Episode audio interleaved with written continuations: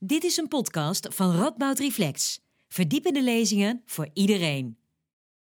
Van harte welkom allemaal. Wat leuk dat jullie zijn aangeschoven bij dit actualiteitencollege over de verkiezingsstrijd in coronatijd door Radboud Reflex en Fox. Mijn naam is Liesbeth Jansen, ik ben programmamaker bij Radboud Reflex. Tja, misschien zijn er onder jullie nog wel mensen die zich herinneren hoe we vier jaar geleden na de vorige verkiezingen het grote verkiezingsontbijt organiseerden. Uh, er waren ruim 100 mensen bij elkaar in de refter van de Radboud Universiteit. Iedereen had een kopje koffie en een croissantje. En we luisterden naar de politieke analyses van onder andere André Zaslov en Carla van Balen. Ik moest er vanochtend met enige weemoed aan, aan terugdenken. Want ja, door corona is er heel veel anders. En onze programma's dus ook. En wie weet heeft corona ook wel een belangrijke invloed gehad op de uitslagen van de huidige verkiezingen. Welke invloed had corona op de verkiezingen? Hoe kunnen we de uitslagen duiden? Welke rol spelen populisme en polarisatie en welke formaties zijn er gegeven de uitslagen waarschijnlijk? Over deze en aanverwante vragen ga ik zo dadelijk in gesprek met drie wetenschappers van de Radboud Universiteit. Politiek socioloog Take Sipma, parlementair historicus Carla van Balen en politicoloog André Zaslov. U weet het, we hebben een uur de tijd voor dit programma uh, met drie sprekers. We hebben dan een strak programma, maar u moet natuurlijk straks ook allemaal weer aan het werk of naar college. Uh, dus we hebben een, eh, een, strak format. Ik ga u dat even kort uitleggen. We hebben drie blokjes van een kwartier. En uh, in de eerste vijf minuten van dat kwartier ga ik steeds met één van de sprekers kort in gesprek. De laatste tien minuten schuiven de andere twee sprekers ook aan. En dat herhalen we twee keer. Dus we hebben twee keer, drie keer een blokje van een kwartier waarin steeds één spreker centraal staat. Dan zijn we bij drie kwartier. Dat wil zeggen dat we nog een kwartiertje over hebben. En die zijn uiteraard gereserveerd voor uw eigen vragen. Uh, heb je een vraag aan een van de sprekers of een algemene vraag voor ons allemaal, dan kun je die via menti.com en de code die je nu onder in beeld ziet, kunt u die, kunt u die insturen. Die krijg ik dan binnen hier op mijn, op mijn tablet. Um, en dan ga ik proberen, ik ga niet beloven dat ik ze allemaal aan bod kan laten komen, maar ik ga proberen om er zoveel mogelijk in het laatste kwartiertje van het programma te behandelen. Leuk dat jullie er zijn. Um, stay tuned. Ik ga heel graag Take Sigma verwelkomen. Hoi Take. Hi, fijn dat je er bent. Hey. Ja, dankjewel. Je hebt de uitslagen, voor jou was het waarschijnlijk een lange nacht. Je hebt de uitslagen steeds, uh, steeds erbij houden. Je hebt ons vanochtend ook even een overzichtje uh, gestuurd. Misschien kunnen we dat eerst in beeld krijgen. En dan ben ik benieuwd uh, wat jou opvalt als politiek socioloog. Wat, wat, wat zie je als je daar naar deze cijfers kijkt. Volgens mij is het overzichtje weer weg. Maar we kunnen wel vast beginnen met praten. Ja, daar is het. Ja, ja, wat niet eigenlijk, hè? Dat is, dat is na gisteravond wel een beetje de vraag. Um, ja, ten eerste, ja, VVD is de grootste geworden. Uh, dat, dat mag geen verrassing heten. Um, de enige verrassing misschien is dat ze niet zo groot zouden zijn als, als vooraf in de peilingen nog wel uh, werd verwacht. Ze hebben een tijd op 40 zetels gestaan. Uh, dat is het niet geworden, maar ze zijn ver weg, ver weg de grootste. Verder valt natuurlijk de, ja, de winst van D66 heel erg op. En de, ja, het verlies van, van de linkse partijen, en met name GroenLinks, die, die gewoon gehalveerd is. Um, daarnaast hebben we juist op de rechtervleugel uh, veel groei gezien met JA21 die erbij is gekomen. En JA21 Forum en PV die samen toch echt een groot aantal zetels hebben gehaald. Uh, en tot slot de kleine partijen die erbij zijn gekomen. Uh, dus zoals het er nu uitziet, uh, wat ik heb gezien vanochtend, was dat de, de, de boerburgerbeweging en bij één ook op één zetel uit gaat komen. Dus dat betekent 17 partijen. Ehm, en ja, dat is, dat is heel veel. Ehm, ja, dat is dat heel wat jaar geleden. Ja, was 1918 geloof ik, hè? Toen waren, het, toen waren ja. er ook zoveel. Wat, wat gaan nou de, wat gaan de, de consequenties zijn van, van 17 partijen? En dan ook nog eens een keertje, er zijn er maar drie partijen die meer dan 10% van de stemmen hebben gewonnen. Dus het is heel erg versnipperd. Hoe, hoe gaat het uitpakken? Wat zijn daar de gevolgen van? Gevolgen voor? Ja. Voor de gevolgen voor Oh, sorry. Voor, voor, nou ja, voor het feit dat er, zoveel, dat er zoveel partijen straks in de Kamer komen. En dat van al die partijen er maar drie zijn die meer dan 10% van de stemmen hebben gekregen. Ja, ik denk, ik denk dat, het, dat dat vooral natuurlijk gevolg gaat hebben voor de, voor de coalitievorming. Iets waar we natuurlijk later in de uitzending straks over gaan hebben. ja, en dat wordt denk ik gewoon een hele grote uitdaging. Ehm, ja, hoe, dat, hoe dat verder in de Kamer zijn uitwerking gaat hebben. Ehm, dat is ook interessant. Ik denk dat bijvoorbeeld partijen als, als de Boer-Burgerbeweging, als Bijeen, uh, met hun één zetels wel, wel degelijk invloed kunnen gaan hebben op uh, agenda setting uh, van bepaalde thema's. we hebben dat in het verleden gezien bij, bij Partij voor de Dieren, die toch door met in eerste instantie in enkele zetels toch bepaalde thema's op de agenda konden zetten. Um, en ja, zeker ook deze twee partijen hebben gewoon een heel duidelijk profiel met, met bijeen met discriminatie. Uh, en ja, boer-burgerbeweging natuurlijk voor de opkomst voor de, voor de boeren. Uh, ja, dat gaat zeker invloed hebben in het, in het debat uh, dat plaats gaat vinden in de Tweede Kamer. Ja. ja, ik wil ook nog even terug naar corona. Hè. we hadden misschien verwacht dat er minder mensen zouden gaan stemmen. Want ja, je, je moet je toch in het openbaar gaan bewegen. Maar er hebben juist meer mensen gestemd dan, dan vier jaar geleden. Hoe verklaar je dat? Ja, we, hebben, we hebben, uh, zijn momenteel bezig uh, met het Nationaal Kiezersonderzoek. Dat is denk ik wel leuk om uh, even te introduceren. Dat is ja, het, het kiezersonderzoek van Nederland. Dat loopt sinds de jaren 70. Ehm, en daar vragen we onder de representatieve steekproef van de Nederlandse bevolking naar ja, hun stemgedrag en verschillende houdingen. En begin van de week heb ik daar een analyse op gedaan op basis van de angst voor een coronabesmetting. op de kans om te gaan stemmen of de intentie om te gaan stemmen. En interessant dat we eigenlijk zagen uh, dat, dat uh, mensen die bang zijn voor uh, een coronabesmetting niet per se niet gaan stemmen. Dus we zagen niet duidelijk dat, dat die mensen van plan waren thuis te gaan blijven.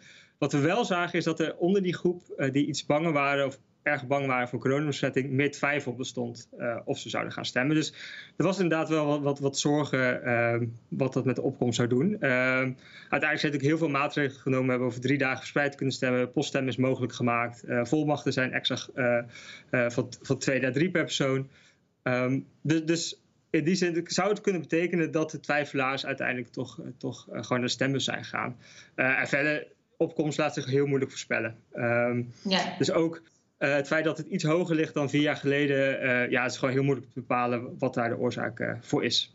Ja, zou het ook kunnen zijn dat mensen juist de, door, door corona, hè, dus dat ze daar, daar iets van vinden, dat ze bijvoorbeeld de, mm-hmm. de, de, maatregelen overdreven vinden, dat ze daardoor zijn gaan stemmen, omdat ja, dit toch zo'n belangrijk thema was in het hele debat? Ja, dat kan zeker het geval zijn. Um, ja, het, het, was, weet je, het was niet per se het belangrijkste thema van de afgelopen verkiezingen, maar het was wel, het sluimerde overal wel een beetje doorheen. En ik denk dat iedereen, uh, de coronamaatregelen heeft, heeft invloed gehad op, op iedereen's leven. De, de persconferenties zijn heel veel bekeken. Uh, en dat, dat, ja, dat kan mogelijk wel de politieke betrokkenheid uh, positief hebben beïnvloed. en dat ook meer mensen daardoor geneigd waren om, om te gaan stemmen. Maar ja, dat is heel lastig om, om daar nu causale uitspraken over te gaan doen. Um, maar ja, het kan er zeker mee te maken hebben. Ja, begrijp ik. Um, je had het net ook over het Nationale Kiezerskompas. Hè? Je, vertelde in een, een, eerder gesprek dat ik met jou had... Van dat het voor de eerste keer is dat jullie ook een migrantenpanel hebben ge, uh, gevraagd. Um, hoe stemmen, kun je daar iets over zeggen? Hoe, hoe, stemmen migranten over het algemeen? Is er iets, kun je dat überhaupt zo uh, algemeen uh, zeggen? Of? Ja, dat, ja, het Nationale Kiezersonderzoek hebben dit jaar inderdaad uh, een migrantenpanel uh, uh, uitgezet. migranten laten, het is gewoon heel moeilijk om migranten in surveys te pakken te krijgen. De, de, de non-respons onder migranten is relatief hoog. terwijl het toch heel interessant is om ook onder deze groep meer inzicht te krijgen in hun, stemgedrag. dus dat hebben we gedaan. ja, we zijn ook al collega's van mij wat eerste analyses gedaan. er is ook wel natuurlijk wat meer bekend over, over het stemgedrag van, van migranten. En wat we zien is dat uh, over het algemeen uh, ja, linkse partijen uh, populair zijn onder ehm, migranten. maar ook, ja, denk NIDA bijeen. en met name wat wel interessant is om, om, om daarover te vertellen, is dat onder migranten die ehm, wat religieuzer zijn, die voelen zich wat meer aangetrokken tot Denk en NIDA. en dat is, eigenlijk een groep kiezers die zich niet per se door de progressieve linkse partijen zoals GroenLinks PvdA, uh, die wel opkomen voor de belangen van, van, van minderheidsgroepen, voor migrantengroepen. maar op andere thema's wat, ja, wat progressiever zijn, zien we dat onder die kiezers die wat religieuzer zijn, dus voornamelijk Denk en NIDA, eigenlijk voornamelijk Denk populairder zijn. Um, Ja, omdat ze zowel de, de, belangen van minderheden op hun netvlies hebben, maar tegelijkertijd ook niet heel erg progressief zijn. En dat is misschien dan de combinatie die hen aanspreekt. Ja. Ja. ja. Um, ik ga je collega's er even bij, uh, bij vragen. Oké. Okay. Carla en André, welkom. Fijn dat jullie er ook zijn.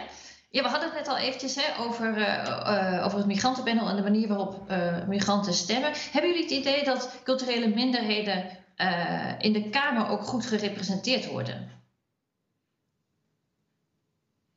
Wie wil daar iets over zeggen? Ja, Carla. Ja, ik wil daar wel iets over zeggen. Ehm, ik zat gisteren nog even op dat enorme uh, verkiezingsbiljet uh, te kijken naar de partijen die in de Kamer zijn gekomen. En daar viel mij wel op dat er veel achternamen bij stonden die doen vermoeden dat dat een migrantenafkomst heeft. Maar ik heb nog niet gekeken of die mensen ook werkelijk binnen zijn, hè, dus met de getallen ernaast. Maar ik had wel de ja, indruk dat het er beter op dat... Ja. Ja, nee, ik, ik, ik vond wel dat het er beter uitzag dan vier jaar geleden. In ieder geval, het, dus het stembiljet. Ja. Ja, want mij viel bijvoorbeeld op dat bij... Sorry, jij mag daar taken. Mij viel bijvoorbeeld op dat bij GroenLinks... die juist, uh, het, nou, hadden we het net al eventjes over... bekend staat als een partij die uh, ja, oog heeft voor de belangen van, van minderheden. Daar stonden de, de eerste... Uh, de eerste verkiesbare plek was op nummer 12 van de kieslijst. Wat natuurlijk dan ook ja, dan sta, sta, je er wel op, maar niet echt op een plek die heel erg. Uh, ja, waardoor je gemakkelijk een zetel krijgt of zoiets. Daar. Ja, plek 12 was natuurlijk een verkiesbare plek bij GroenLinks. Maar helaas uh, voor GroenLinks is dat uh, uiteindelijk toch, uh, toch verder van de verkiesbare plek gebleken. Um, ja.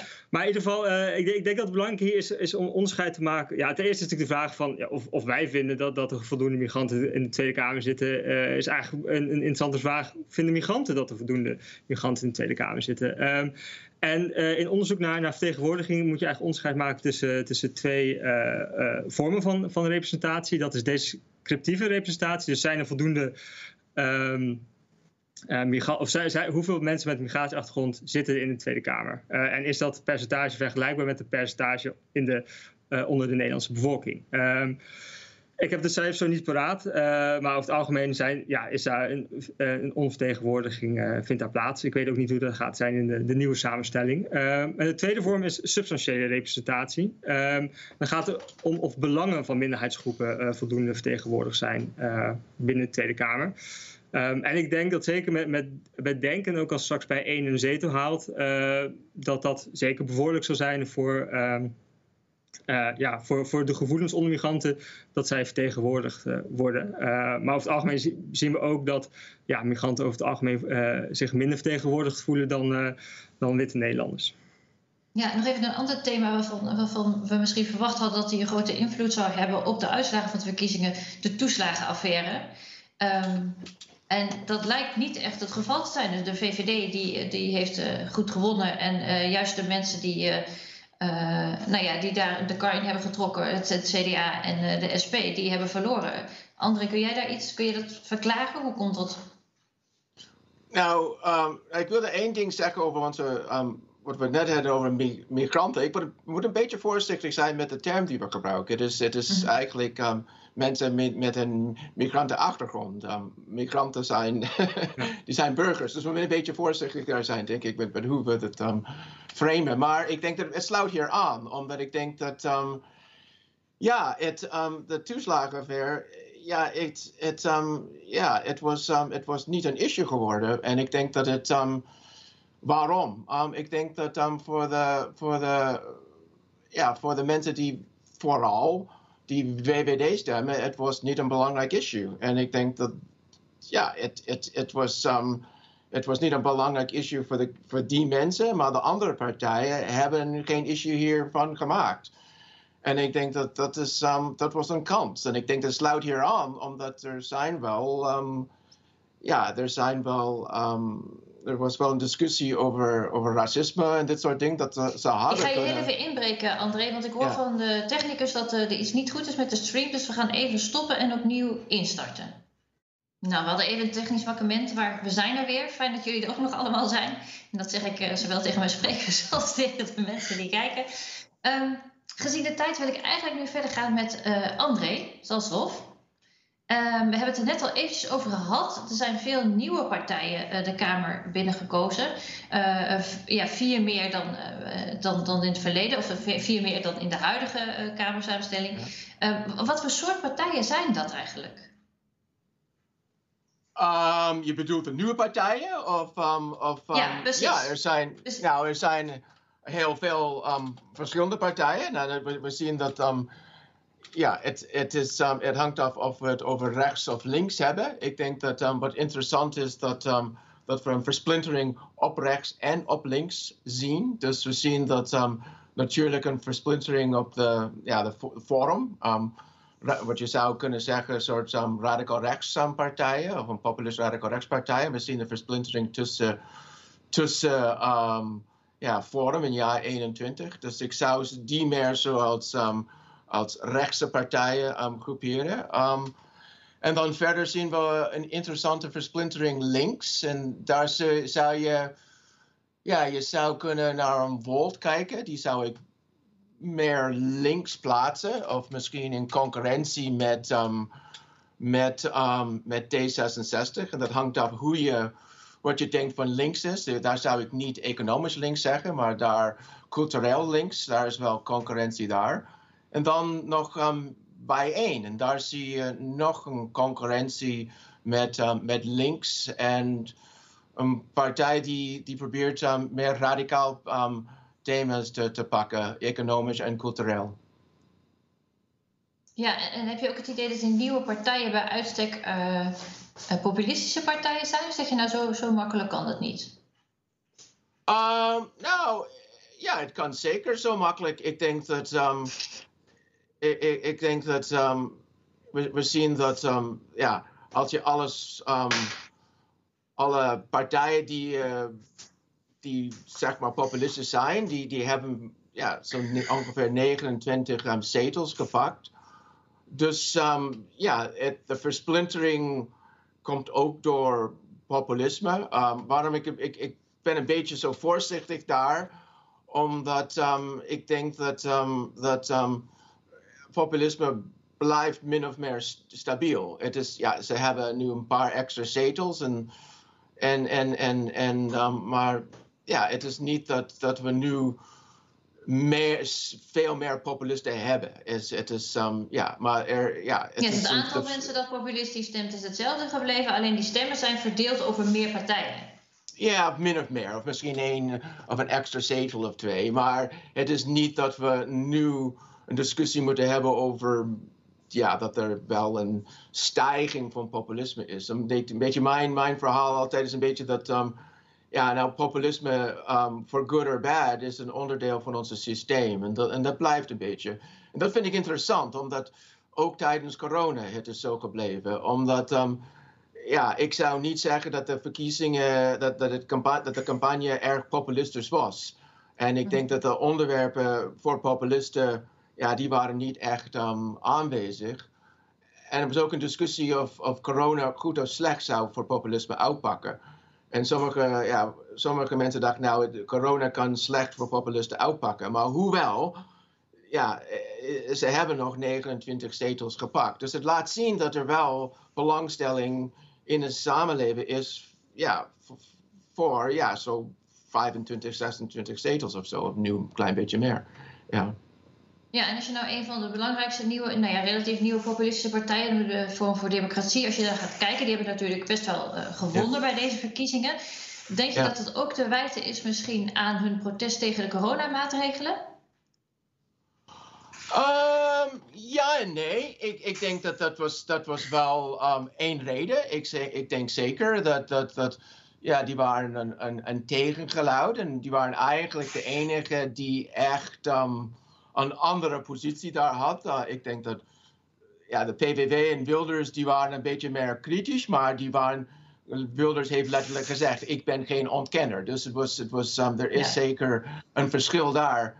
Maar um, ja, ik, ik, zeg ja, maar ik denk dat we moeten niet, um, ik denk dat het is ook belangrijk om te zeggen dat, dat, dat Baudet heeft wel een, een niche gevonden. En, en ik Mhm. denk dat um, het gaat niet alleen om corona. En ik denk dat um, hij heeft wel um, ja, een niche onder bepaalde groep in de samenleving. En, en ik ben niet zo verbaasd dat hij, ja, dat hij zeker meer dan vier zetels had. Mijn En verwachting wat, was wat is die niche, denk jij? Hoe, zou, hoe zou je in, in een paar kernwoorden die niche van Baudet omschrijven? Nou, wat interessant is, is dat. Um, kijk, ik, ik zou hem in, in, in de kader van populisme zeker plaatsen. En, en, en, en, en hij heeft wel thema's die.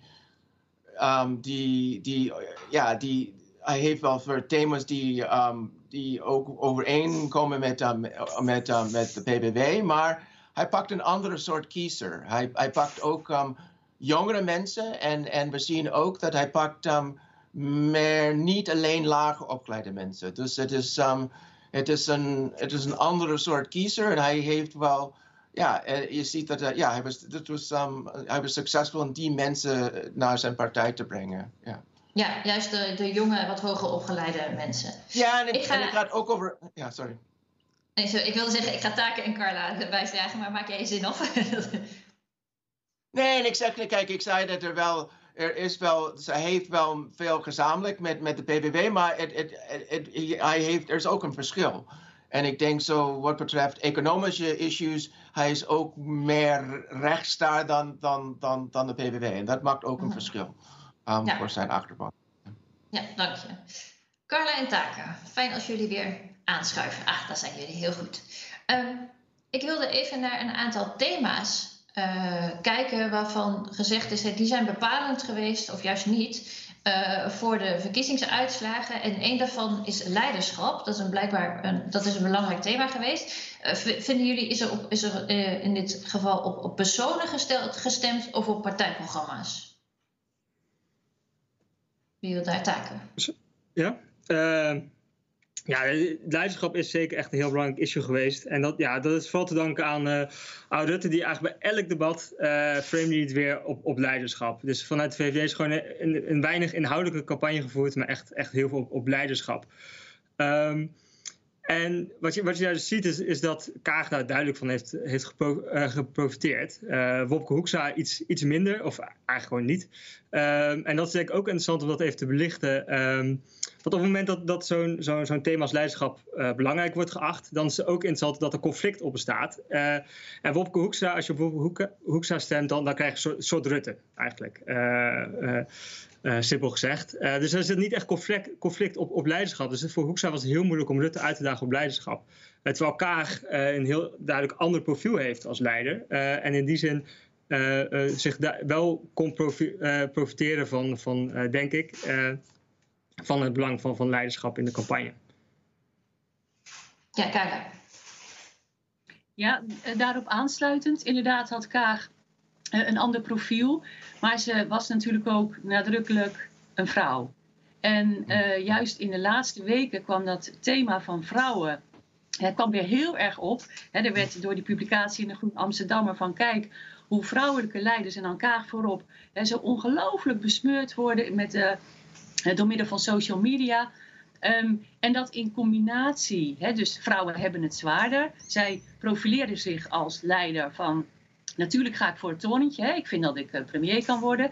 En dat in combinatie met het verhaal dat al 50 jaar in Nederland speelt van, nu hebben we nog steeds nooit uh, een vrouwelijke premier, premier, gehad. En je zag ook op het laatst dat Kaag uh, zo'n spurt maakte. Hè. De peilingen hebben dit niet voorspeld. En ik denk dat dat vrouwenverhaal ook echt uh, is gaan meespelen. Hmm. Maar dan niet voor de PvdA bijvoorbeeld? En, en nee, uh, dat klopt. Maar Sigrid Kaag is natuurlijk al veel langer bezig. Hè? Dat was natuurlijk het hele nadeel van Ploemen. Kijk, Kaag die is al een half jaar bezig en in het begin deed ze het niet zo goed. Maar toen zij lijsttrekker werd voor D66, profileerde ze zich meteen zoals ze de hele tijd is blijven doen. Dat is heel stabiel geweest. Alleen het leek wel alsof het pas de laatste paar weken echt ging aanslaan. Ja, en Lilianne Ploemen, die had natuurlijk pech dat ze zo'n korte aanloopperiode had en zich niet zelf al helemaal heeft kunnen positioneren vanaf september vorig jaar. Ja, over, bij de volgende verkiezingen misschien. André? Ja, ik denk ook, ik sluit me hier aan, ik denk ik mee eens, maar ik denk het was ook misschien, dat is gewoon een gevoel dat ik nu heb, ik denk dat het was ook misschien bepalend voor, voor zwevende kiezers. Ik denk dat, dat, dat mensen die twijfelden tussen GroenLinks en D66, en ik denk daar kan leiderschap echt een rol spelen. Ik denk dat, dat, dat de mensen, nou, zij heeft het zo goed gedaan, ja, zij was sterk, ik ga voor haar. En dat was, um, ja, ja, dus, dus. Ja, en een ander thema dat eh, opmerkelijk genoeg blijkbaar geen rol heeft gespeeld bij de verkiezingsuitslag is het klimaat. Hoe kan dat nou? Wie van en waarom zeg, waarom, zeg je geen, waarom zeg je geen rol? Je bedoelt in de zin van. Um... Nou ja, dat er, dat er blijkbaar is een analyse gemaakt van welke thema's er belangrijk zijn geweest uh, voor mensen om te kiezen voor een bepaalde partij. En klimaat heeft daar, stond niet in het lijstje met belangrijkste verkiezingsthema's van dit, dit keer. Karla. Nou, ik vond het wel heel opmerkelijk dat toen Sigrid Kaag uh, gisteren voor het eerst uh, sprak, hè, nadat bekend was geworden hoe de exit polls luiden. En toen noemde ze in haar inhoudelijke bijdrage wel klimaat als eerste. Mhm. Sorry, dus ze zei van aan klimaat moeten we iets gaan doen. Dus toen dacht ik, hé, hey, dit is heel bijzonder dat ze dat prioriteert in haar verhaal en nu voorop zet. Ja. Dus ik denk dat dat bij de formatie wel een grote rol zal gaan spelen. Ja, ja misschien. Ja, ja André? Ja, nou, ik, ik zit te denken, omdat ik denk dat het is wel, het is wel opvallend. Omdat ik, ik zou zeggen dat klimaat was heel aanwezig ook tijdens de campagne. Dus um, ja, misschien dat het, dat het zo aanwezig was dat um, voor kiezers dat ik weet niet of het echt een verschil maakte tussen verschillende partijen. Ik bedoel, ja, GroenLinks en, en D66 probeerden wel te laten zien hoe ze anders waren, maar het is wel nuanceerd misschien. En dan voor de kiezer, het is, het is, het was niet bepalend in, in de zin van, ja, voor, voor mijn stemkeus, maar ik denk dat het als issue het, blijft nog um, belangrijk. En ik denk vooral onder de jonge mensen um, dat het, het, het, is wel een main issue. Ja, ja taken. Ja, daarop aansluitend uh, op Andre is dat, uh, dat inderdaad uiteindelijk kiezen mensen, zeker in die dagen voor de verkiezingen tussen GroenLinks en D66, uh, en dan geven ze bijvoorbeeld aan dat bijvoorbeeld leiderschap dan, dan een belangrijke rol speelt in de afweging tussen GroenLinks en D66. Maar het feit dat ze in eerste instantie al bij die uh, setpartijen uit zijn gekomen, daar kan klimaat natuurlijk wel een hele belangrijke rol spelen. Um, op dat, dat D66 en GroenLinks daar niet onderscheidend genoeg in zijn, is dat misschien niet de uiteindelijke doorslag geweest in de stemkeuze. Uh, maar kan dat voor veel kiezers wel een onderliggend belangrijk thema zijn geweest. Ik begrijp het. Ja, dus dan is het wel een belangrijk uh, thema geweest voor mensen om te kiezen. Alleen is dat niet wat ze dan aangeven bij de vraag waarom kies je voor hmm. GroenLinks of voor. Nou ja, als het gaat om uh, partij A of partij B. Ja. Um, Carla, zullen we eens gaan kijken naar uh, het formatieproces? Je hebt een, een mooie slide gemaakt met een aantal opties. Twee over links en twee over rechts. Misschien kunnen we daar eerst eventjes naar gaan kijken. Wat zijn, de, wat, wat, wat zijn de bijzonderheden bij dit formatieproces? Wat denk je dat uh, er anders is dit uh, keer? Links, uh, boven links heb ik staan voortzetting van de huidige coalitie. Overigens uitgaande nog niet van de definitieve uitslag. Hè? En dit is mhm, gebaseerd op de uitslag van 10 uur. En dan zie je dat er toch een reële kans is dat de huidige coalitie doorgaat. Um, en ik heb gelijk daaronder gezet een voortzetting van de grootste drie, dus VVD, uh, D66, CDA, plus een linkse partij. En wat ik denk is dat een van deze twee opties het wordt. Dat wil zeggen, ik denk dat VVD en CDA, als ze doorgaan, maar dat wordt nog ingewikkeld, want Partij van de Arbeid staat natuurlijk niet te trappelen. Maar, uh, of nee, uh, ik zeg het niet goed. Uh, CDA, als VVD en CDA doorgaan, dan zullen zij beide een voorkeur hebben voor de huidige uh, partner ChristenUnie. Terwijl D66 een voorkeur zal hebben voor, dat is wat ik vermoed, een linkse partij erbij. En dat staat dus uh, onderin links. Hè. Dat zijn dan de keuze tussen Partij van de Arbeid, Partij voor de Dieren, GroenLinks en SP. Om een meerderheid uh, te krijgen. Um, en waarom wil D66 dat, ja, die is natuurlijk sterker geworden nu. En die gaat in de, in de onderhandelingen dat natuurlijk ook uitspelen. die is een, uh, is een tweede partij geworden. En uh, die zal niet zomaar zeggen, ja, voortzetting van uh, de huidige coalitie. Um, dus ik denk dat het ingewikkeld wordt, omdat, ja, ik vermoed wel dat dus uiteindelijk CDA, VVD en D66 erin komen. Maar met welke vierde partner, hè, als ze een, een meerderheid uh, willen hebben, en dat willen we mhm. in Nederland altijd. Hè, dus tenzij deze uh, poll nog zo, of deze, de uitslag, de definitieve uitslag nog zo wordt, dat ze ook met drie partijen door zouden kunnen gaan. Hè? Dat, daar mhm. zag het gisteravond even naar. Mhm. Maar dan is weer de vraag, wil D66 dat wel? hè, omdat dan toch één progressieve partij is in het geheel. Hè, dus ik denk dat, dat een van die twee het wordt. Uh, dat worden ingewikkelde onderhandelingen, want uh, dus, ze zitten er dus echt allemaal anders bij. Uh, verliezer, winnaar en wensen. Um, en ze hebben dan ook de Eerste Kamer, waarin geen meerderheid is. En ik heb in, rechts in beeld, zowel boven als onder, heb ik coalitiemogelijkheden gegeven. over rechts helemaal met CDA en over links met CDA en ChristenUnie. Waarvan ik niet verwacht dat die het worden. Uh, maar ik heb ze wel als mogelijkheden gegeven. En opvallend daarbij is dat die mogelijkheden, nogmaals, die het dus volgens mij echt niet worden, die hebben wel een meerderheid in de Eerste Kamer. Ja, dus die, die waarvan je verwacht dat ze het niet worden, maar uh, die wel een meerderheid zouden hebben in de Eerste Kamer, dat zijn die twee die rechts in het schema staan. Hè? Dus over rechts met CDA en over links met CDA en ChristenUnie. Precies, ja. En hoe belangrijk is die Eerste Kamer? Ja, die kan heel belangrijk zijn. Um, voor, ja, voor uh, gevoelige onderwerpen waar uh, echt meerderheden voor moeten worden gehaald. En als die meerderheid er in de Eerste Kamer niet is um, en de Eerste Kamer stemt het weg, uh, dat is in het verleden wel gebeurd, ja, dan is het dus echt een probleem. En ja. nou is het wel vaak zo dat je kunt zoeken natuurlijk naar gedoogpartners in de Eerste Kamer, hè, die in principe met je meestemmen. maar het is lastig om in die andere Kamer, die in Nederland ook echt heel machtig is, want vetorecht, om daar niet ook een meerderheid te hebben. Uh, liever hebben, um, ja, hebben coalities dat wel. En dat wordt dan interessant als je kijkt naar een voortzetting van de huidige coalitie, minus uh, ChristenUnie en met een linkse partij. Dan zou je het, het, uh, het beste GroenLinks kunnen hebben, want die heeft de meeste zetels in de Eerste Kamer. Dan, dan kom je op 36 uit, ja. uh, tezamen. Ja. En dan kom je nog maar twee uh, tekort. Ja. Maar goed, GroenLinks is nou juist een grote verliezer van deze verkiezingen. Dus dat ligt dan ook weer niet voor de hand. Nee. Nee, het wil misschien zelf ook niet. Om die reden. Nee, kan ik me voorstellen. Willen we nou, wat nog niet. Nee. Nee. Um, ik ben eigenlijk heel benieuwd. De vorige keer, bij ons vorige verkiezingsontbijt waar ik het al even over had toen heb jij een uh, voorspelling gedaan. En je zei net, de, toen ik jou vorige week even sprak, zei en die is ook uitgekomen. dus ik ben heel benieuwd wat, jou, uh, wat jouw voorspelling deze keer zou zijn. Um, ja, uh, gebaseerd op het feit dat de, het rechtse blok binnen een coalitie altijd liever met zo links, zo, zo min mogelijk linkse partijen samenwerken. Hè. Dat, dat mhm. is de theorie waarop ik me vorige keer heb gebaseerd.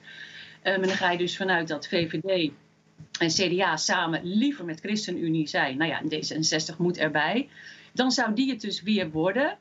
Maar als een coalitie al een tijd gezeten heeft, uh, dan is het toch weer minder vanzelfsprekend uh, dat die doorgaat. Want de coalitie in precies dezelfde samenstelling gaat het voor de tweede keer bijna nooit zo goed doen als de eerste keer. En zeker niet als de machtsverhoudingen zo zijn verschoven als hier. En zo bezien denk ik eerder dat ChristenUnie niet mee gaat doen en een van de linkse partijen uh, dat daarin gaat en misschien wel de Partij voor de Dieren. En, en dan, dan zou zelfs Volt nog een mogelijkheid zijn hè, om aan die meerderheid te komen. Zij het dat, we, dat de parlementaire geschiedenis laat zien dat als je een geheel nieuwe partij meteen regeringsverantwoordelijkheid geeft, dat dat niet zo goed uitpakt.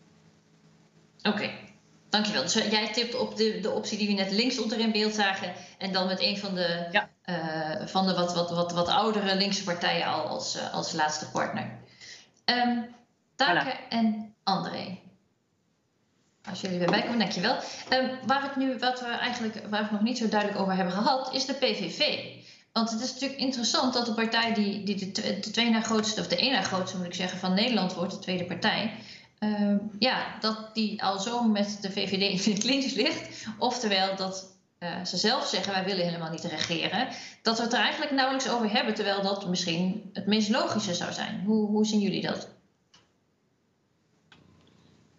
Um, Taak, wil jij of ik kan? Um, um, ja, ik, ik, ik vind. Um, ja, dat, dat, nou. Ja, zijn, je, je, je zou het um, in een verschillende manier kunnen aanpakken. Maar ik denk dat. Um, dat heeft Rutte wel, wel slim gespeeld. Ik denk in de laatste paar debatten. dat heeft hij duidelijk. Um, zo'n beetje zo een grens getrokken. Hij heeft een beetje gezegd. Um, ja, na, na, na, na, deze verkiezingen, we gaan jou ja, niet benaderen, omdat jij, jij bent te ver op een paar bepaalde issues. En dat wilde hij gewoon um, niet, um, ja, niet bespreken. En ik denk dat, ik denk dat hij, hij snapt dat, zou hij dat doen, dat het een heel, en Carla misschien kan hier ook meer zeggen, dat het een heel lang proces wordt. Ik denk dat ook als Rutte zegt, ja, ik ben bereid met jou in discussie te gaan dat het zou heel lastig nog andere partijen bij te trekken. Ik, ik, ik verwacht niet dat de CDA daar snel bij komt en dan zeker niet D66. Dus ja, het is, het is uh, bijna een done deal en ik denk dat hij, hij wil dit meteen oplossen tijdens de laatste twee debatten. Ja. Wil iemand reageren? Ja, ik, ik sta me ja? aan bij, bij Andre. Uh, uh, ja, of Carlams. Ja, ja jij hebt hier meer verstand nee, van nee, maar eerst kunnen we aftaken. Van de, ja, nee, wat, uh, ja, Carlams is expert op het gebied van coalitievorming. Maar uh, op het gebied van PVV, zeg ik, wat, wat, wat zei, was ik vanuit het perspectief van de, van, de, van de VVD. Ik denk dat het inderdaad ook wel logisch is, op basis van eerdere ervaring. En dat ja, D66 en met name D66 en ook CDA waarschijnlijk ook toch niet gaat gebeuren. Maar wat, in, wat interessant is, is dat de PVV zich gisteravond er zelf al bij neerlegde. Um, bij die rol. Um, ja, ja. En in ja, de aanloop naar, komt dat eigenlijk wel goed uit? Precies dat, ja. En ik denk dat het uh, voor de verkiezingen uh, gebruikte Wilders dat wel heel erg van... Uh, ja, wij, als wij een tweede of derde grote partij worden, dan moeten wij moet met ons gesproken worden. Wij horen erbij. en gisteravond deed hij eigenlijk al meteen een stapje terug. Um, en ik denk dat, dat Wilders zich wel gewoon erg goed voelt in die rol als, als grote oppositiepartij. hij heeft ook te maken met concurrentie van, van Forum, van Ja 21. Uh, bij de Provinciale Statenverkiezingen zag het er echt heel anders uit voor de PVV. Um, dus ik denk dat zij uh, uh, misschien ook wel meer te verliezen hebben met, met regeringsdeelname. op het moment dat Forum in dat gat stapt van, de, van de rechtse oppositie. en dat zij zich misschien daarom ook wel daarbij neerleggen. Ja, Carla, je wilde ook op reageren, geloof ik, hè? Ja, nou ja de PVV heeft natuurlijk verloren. Hè? Die was de tweede partij bij de vorige verkiezingen, maar is nu de derde partij. En staat nu uh, op 17 zetels. Maar D66 op 25. Dus die is flink groter geworden. Dus de positie is verslechterd ten opzichte van de vorige keer. En toen deden ze al niet mee. He, dus inderdaad, zo'n houding had uh, Wilders wel van... nou ja, nou ben ik de derde partij, dus nou ligt het nog minder voor de hand... want D66 gaat zeker meedoen. En natuurlijk komt erbij uh, dat terugkijkend naar 2010... toen ze een beetje meededen he, als, uh, als gedoogcoalitiepartner ja, daar bewaren CDA en uh, VVD nou niet echt goede herinneringen aan. Nee, het heeft niet zo lang geduurd. Nee, ik, ik, vroeg me ook nog af het gerommel bij, bij, de, bij het CDA rond, uh, rond het lijsttrekkerschap uh, een poosje geleden. Uh, heeft dat nog gevolgen gehad? Gaat dat gevolgen hebben voor de, voor de formatie? Ja, dat in, in zoverre dat het, het, het is natuurlijk allemaal heel rommelig verlopen. Die eerste verkiezing al. Uh, in het einde van de zomer. En toen het, uh, Hugo de Jonge toch weer niet. En toen de nieuwe lijsttrekker. Dat zag natuurlijk allemaal wat, uh, wat rommelig uit. Dat helpt natuurlijk niet. Nu heeft het CDA ook flink verloren. Terwijl ze zich juist als alternatief voor de VVD hè, op overwinning. Um, en dat is, dat is als onderhandelingspartner altijd lastig. Want een verliezer vindt het helemaal niet leuk om mee te doen. Hè? Die zegt dan altijd eerst, mij past nu afstand en sta niet te trappelen. Want ja, ze, ze hebben net meegeregeerd en dat is niet beloond. En dan in combinatie met die, uh, ja, de lijsttrekkers, wat allemaal onduidelijk was. Dus het, ja, CDA staat nu niet zo sterk in de onderhandelingen. Begrijp het. Taken en andere, jullie hebben net de voorspelling van Carla gehoord. Gaan jullie daarin mee of, uh, of denken jullie dat het heel iets anders gaat worden? Je, je bedoelt de coalitie? Ja. De coalitie zelf. Oeh. Taken, ik laat het aan jou te beginnen, dan kan ik jou ja, dat is lastig. Ja, het is heel lastig. Ja, ik denk dat het best wel een realistische voorspelling is. Um, ja, maar ja, het blijft vragen. GroenLinks heeft gewoon erg veel verloren. PvdA is ook niet groot. Als, als GroenLinks nou op 10, 12 zetels had gestaan, dan was het natuurlijk vanuit hun ook makkelijker om aan te sluiten. Uh, en nu zijn ze daar toch als, ja, uh, ze liggen ook, ja, het is moeilijk te zeggen. Uh, het, ik denk dat het zeker de meest realistische optie is. Dus we gaan het zien. Ik ben, ik ben benieuwd wat, wat de rol van, van D66. En ik ben benieuwd wat voor wat ze gaan eisen. Omdat um, hoeveel gaan ze Rutte volgen en hoeveel gaan ze zeggen, dit willen wij hebben. En ik denk dat misschien moet D66, ja, het is, ik, ja, misschien moeten ze een beetje opletten. Omdat ze hebben wel wat um, stemmers van links gepakt. En mm. ze hebben een beetje de reputatie om links te, tijdens de campagne en dan ja, tijdens de formatie een beetje zo naar rechts te schuiven. En misschien moeten ze ook een beetje voorzichtig hier en niet te pragmatisch zijn. En het hangt af wat ze willen. Willen ze nog zo groot blijven, dan, dan, dan kunnen ze niet um, te veel stemmers teleurstellen van wat meer linkse thema's, vooral cultureel. Culturele thema's. En dat was um, vorige keer tijdens de formatie, dat was um, wat Pechtold eigenlijk deed met, met GroenLinks. Hij heeft GroenLinks daar een beetje in de steek gelaten. Dus ik, ik ben benieuwd wat, wat voor rol ze gaan nu doen met meer zetels. Ja. ja. Nou, we gaan het zien. Het zal uh, over een poosje bekend zijn. Ik ga even naar de vragen die inmiddels via Mentimeter zijn binnengekomen. En uh, mocht je nog een vraag willen stellen, misschien kan de code nog even onder in beeld komen. Uh, dan stuur ze vooral in. Um, ik ga beginnen met een vraag. Uh, iemand vraagt naar de SP. Uh, de SP heeft een weinig populistisch profiel laten zien. Kan dat de daling verklaren? Wel, ja, dat, dat, is, dat, is, dat is interessant. Omdat we, als we het over populisme het hebben, ja, soms, ja, dan hebben we het ook over de SP. En, en ik ben daarmee eens met, met, met dat de SP was heel weinig populistisch. Dat, dat, dat zou ik zeker zeggen. En wat we weten van onze eigen onderzoek, dat um, SP-kiezers zijn ja, redelijk populistisch. Of kunnen, kunnen popul redelijk populistisch zijn. So dat, dat kan een reden zijn. Um, maar ja, ik weet het niet. De, de SP vindt het gewoon moeilijk om, om door te breken. En ik denk dat Taka kan ook hier iets zeggen. Maar we hadden het vroeger hierover. Hey, Taka over, over jonge mm -hmm. mensen. En misschien ja. wil je iets zeggen. Dat vond ik interessant wat je, van jouw slide. Ja. Nee, ja, wat, ja. wat, we, wat we binnen het NKO zien is dat, dat SP uh, trekt geen jonge kiezers aan. Dus we zien ja. aan de linkerkant zien we dat ja, GroenLinks uh, en uh, ja, gewoon verreweg de jonge kiezers aanspreekt. De Partij van de Arbeid zit een beetje in het midden. maar SP heeft heel veel moeite om, om de jonge kiezer aan te spreken. En, en, ik denk dat daar toch ook weer thema's als klimaat wel degelijk een rol spelen. Die toch bij, bij GroenLinks en andere progressieve partijen toch meer spelen. Ja, het is eigenlijk een combinatie van te weinig aandacht voor, voor klimaat en, en, en duurzaamheid. Uh, en tegelijkertijd ja, misschien het feit dat ze uh, van de huis uit meer de wat populistische kiezers aantrekken, die nu misschien zijn afgehaakt omdat ze uh, een andere koers zijn gaan varen. Ja, en ik denk het is nou, ook interessant. Maar, ja, sorry, ik wil graag. Ja, wat, wat ook interessant is, dat het zorgen is natuurlijk zo'n groot, groot thema geweest. Uh, en dat is een typisch SP-thema. Uh, en ja. toch is het niet gelukt om daar uh, stemmers op, op te winnen. Ehm, ik heb daar ook nog geen verklaring voor waarom dat het geval is. maar het is wel even interessant dat, dat ondanks dat dat thema zo belangrijk was geweest, dat, het, dat zij niet op hebben gewonnen. Ja, ja. Ja, dat klopt ook. Ik, kijk, aan de ene kant, ik denk dat um, de campagne van Marijnissen was heel sterk. En ik denk in het debat, zij was heel, heel goed. Maar is ook zo dat zij was minder een tegengeluid. Dus, dus zij was meer eigenlijk een onderdeel van de establishment. Dus dit is, dit is ook een, een onderdeel van populisme. Het, het had misschien wel wat consequenties kunnen hebben. Ik denk niet you know, drie, vier, vijf zetels, maar een paar zetels mhm. misschien. Ja. ja. Ja. Nou, goede tip voor haar. Iemand anders vraagt. Uh, zouden de linkse partijen niet inmiddels een keertje moeten fuseren om een blok te vormen tegen de rechtse trend?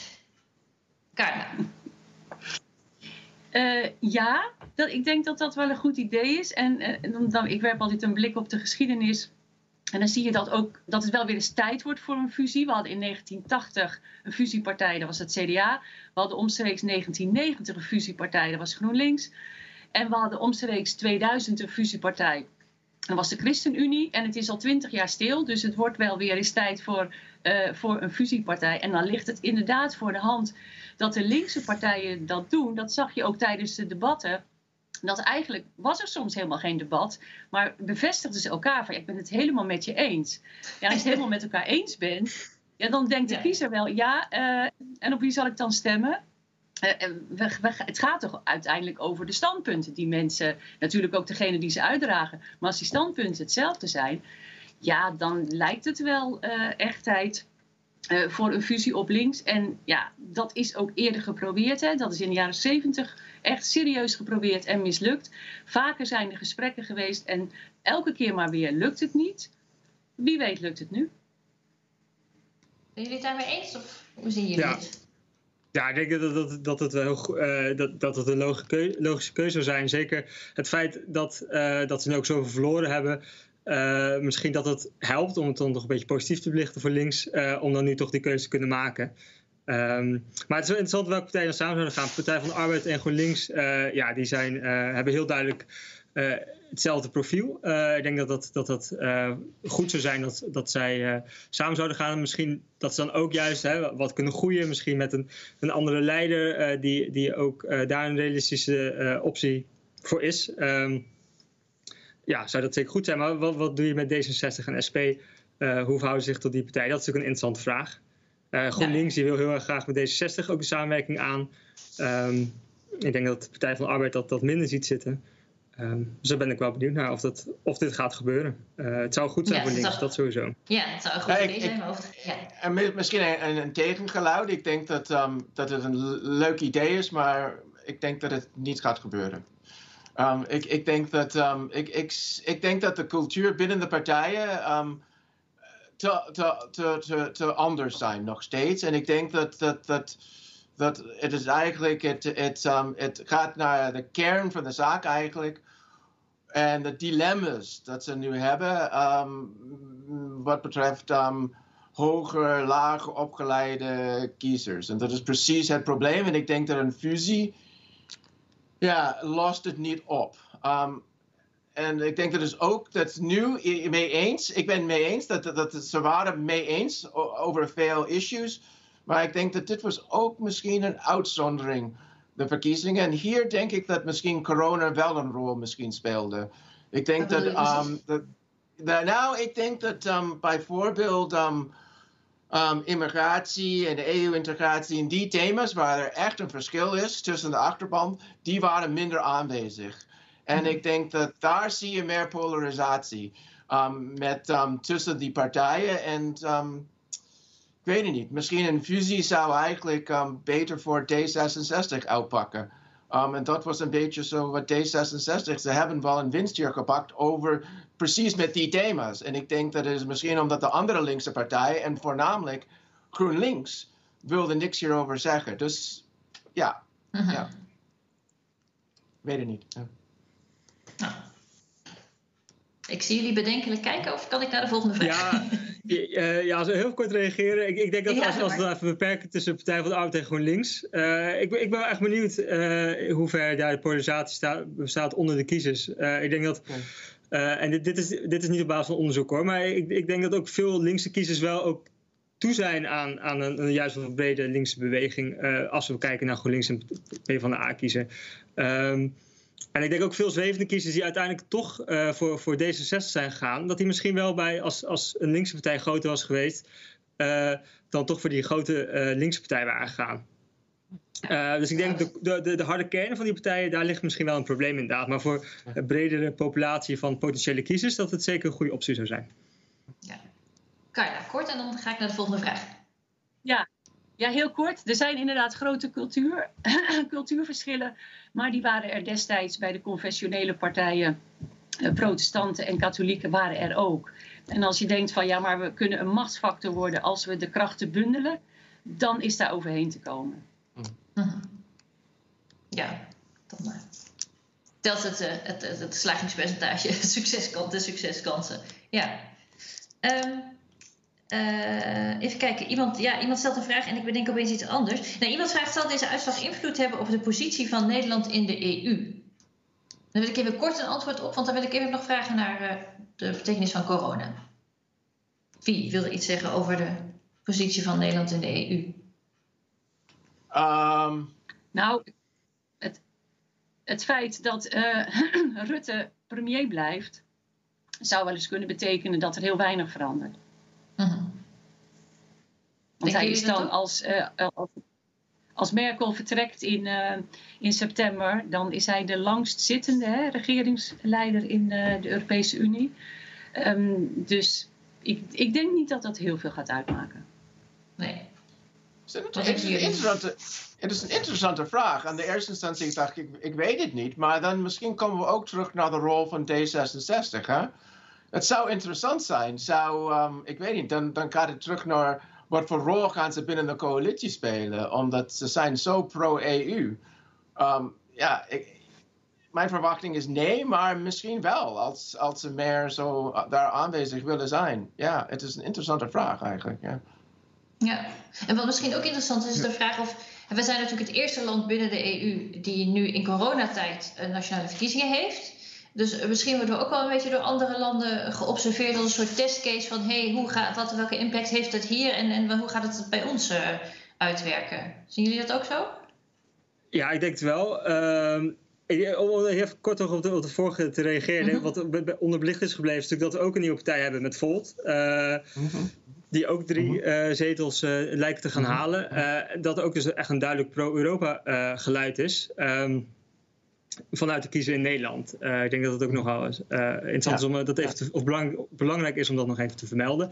Uh, wat betreft de, de, het, de, de, het buitenland kijkt natuurlijk ook met, met bovengemiddelde interesse naar, omdat juist die Volt kiezer een, een pan-Europese partij is.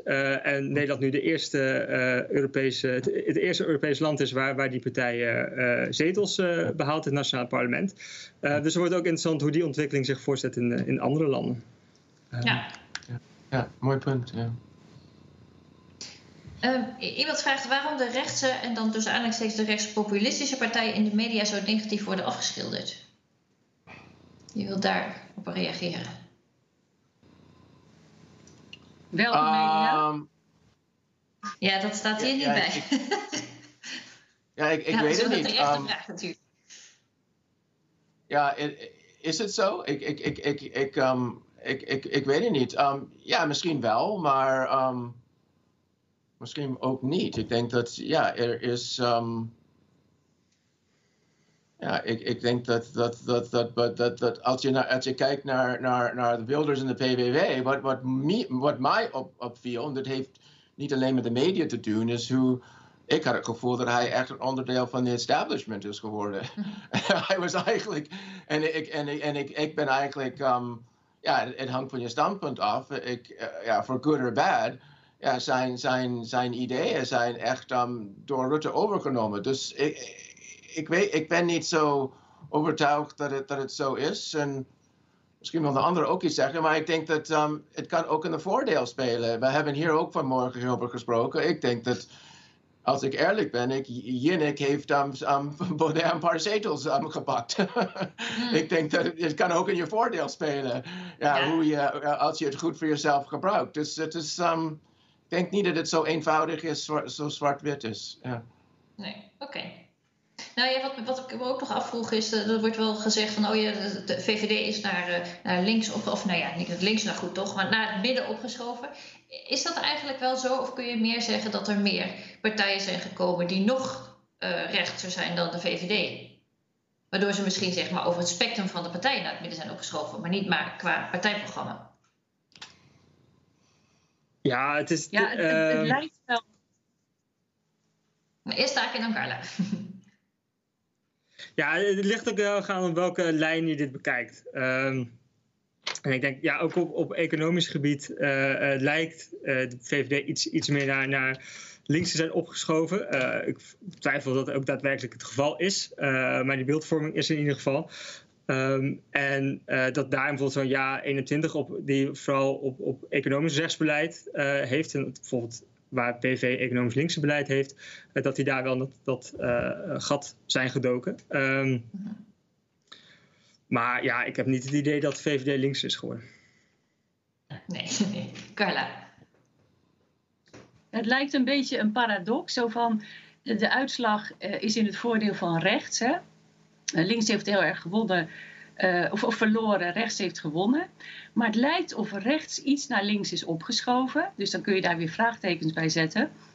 Maar ja, kijk, Rutte zelf zegt dan: nee, ik wil helemaal geen grotere overheid, maar ik wil een sterkere over, sterke overheid. Hè? En is dan eh, de VVD toch wel iets naar de linkerkant, hè, van meer overheids eh, eh, minder neoliberalisme. Is dat toch een trend? Daar lijkt het wel op. Maar, maar ja, dit zijn dan natuurlijk voorlopige uitspraken. Dat moet allemaal nader onderzocht worden. Maar ja, ik, ik zie wel iets van dat dus rechts heeft gewonnen, maar dat rechts zelf een tikkeltje naar links is opgeschoven. Ja, ja. Oké. Ehm, we moeten zo gaan afsluiten. Daarom heb ik nog een laatste vraag waar jullie allemaal eh, met ja of nee op mogen antwoorden. En dat is ook weer een vraag die eh, uit, het, eh, uit het publiek komt, uit de deelnemers. Is het niet eindelijk tijd voor een kiesdrempel? Wat vinden jullie? En ik ga even gewoon het rijtje af. Wat vind jij, Taak? Je mag er ook nog een halve zin bij. eh, je hoeft niet alleen maar ja of nee te zeggen, maar kort. Nee, ik, ik, ik ben geen voorstander van kiesstempel. En waarom niet?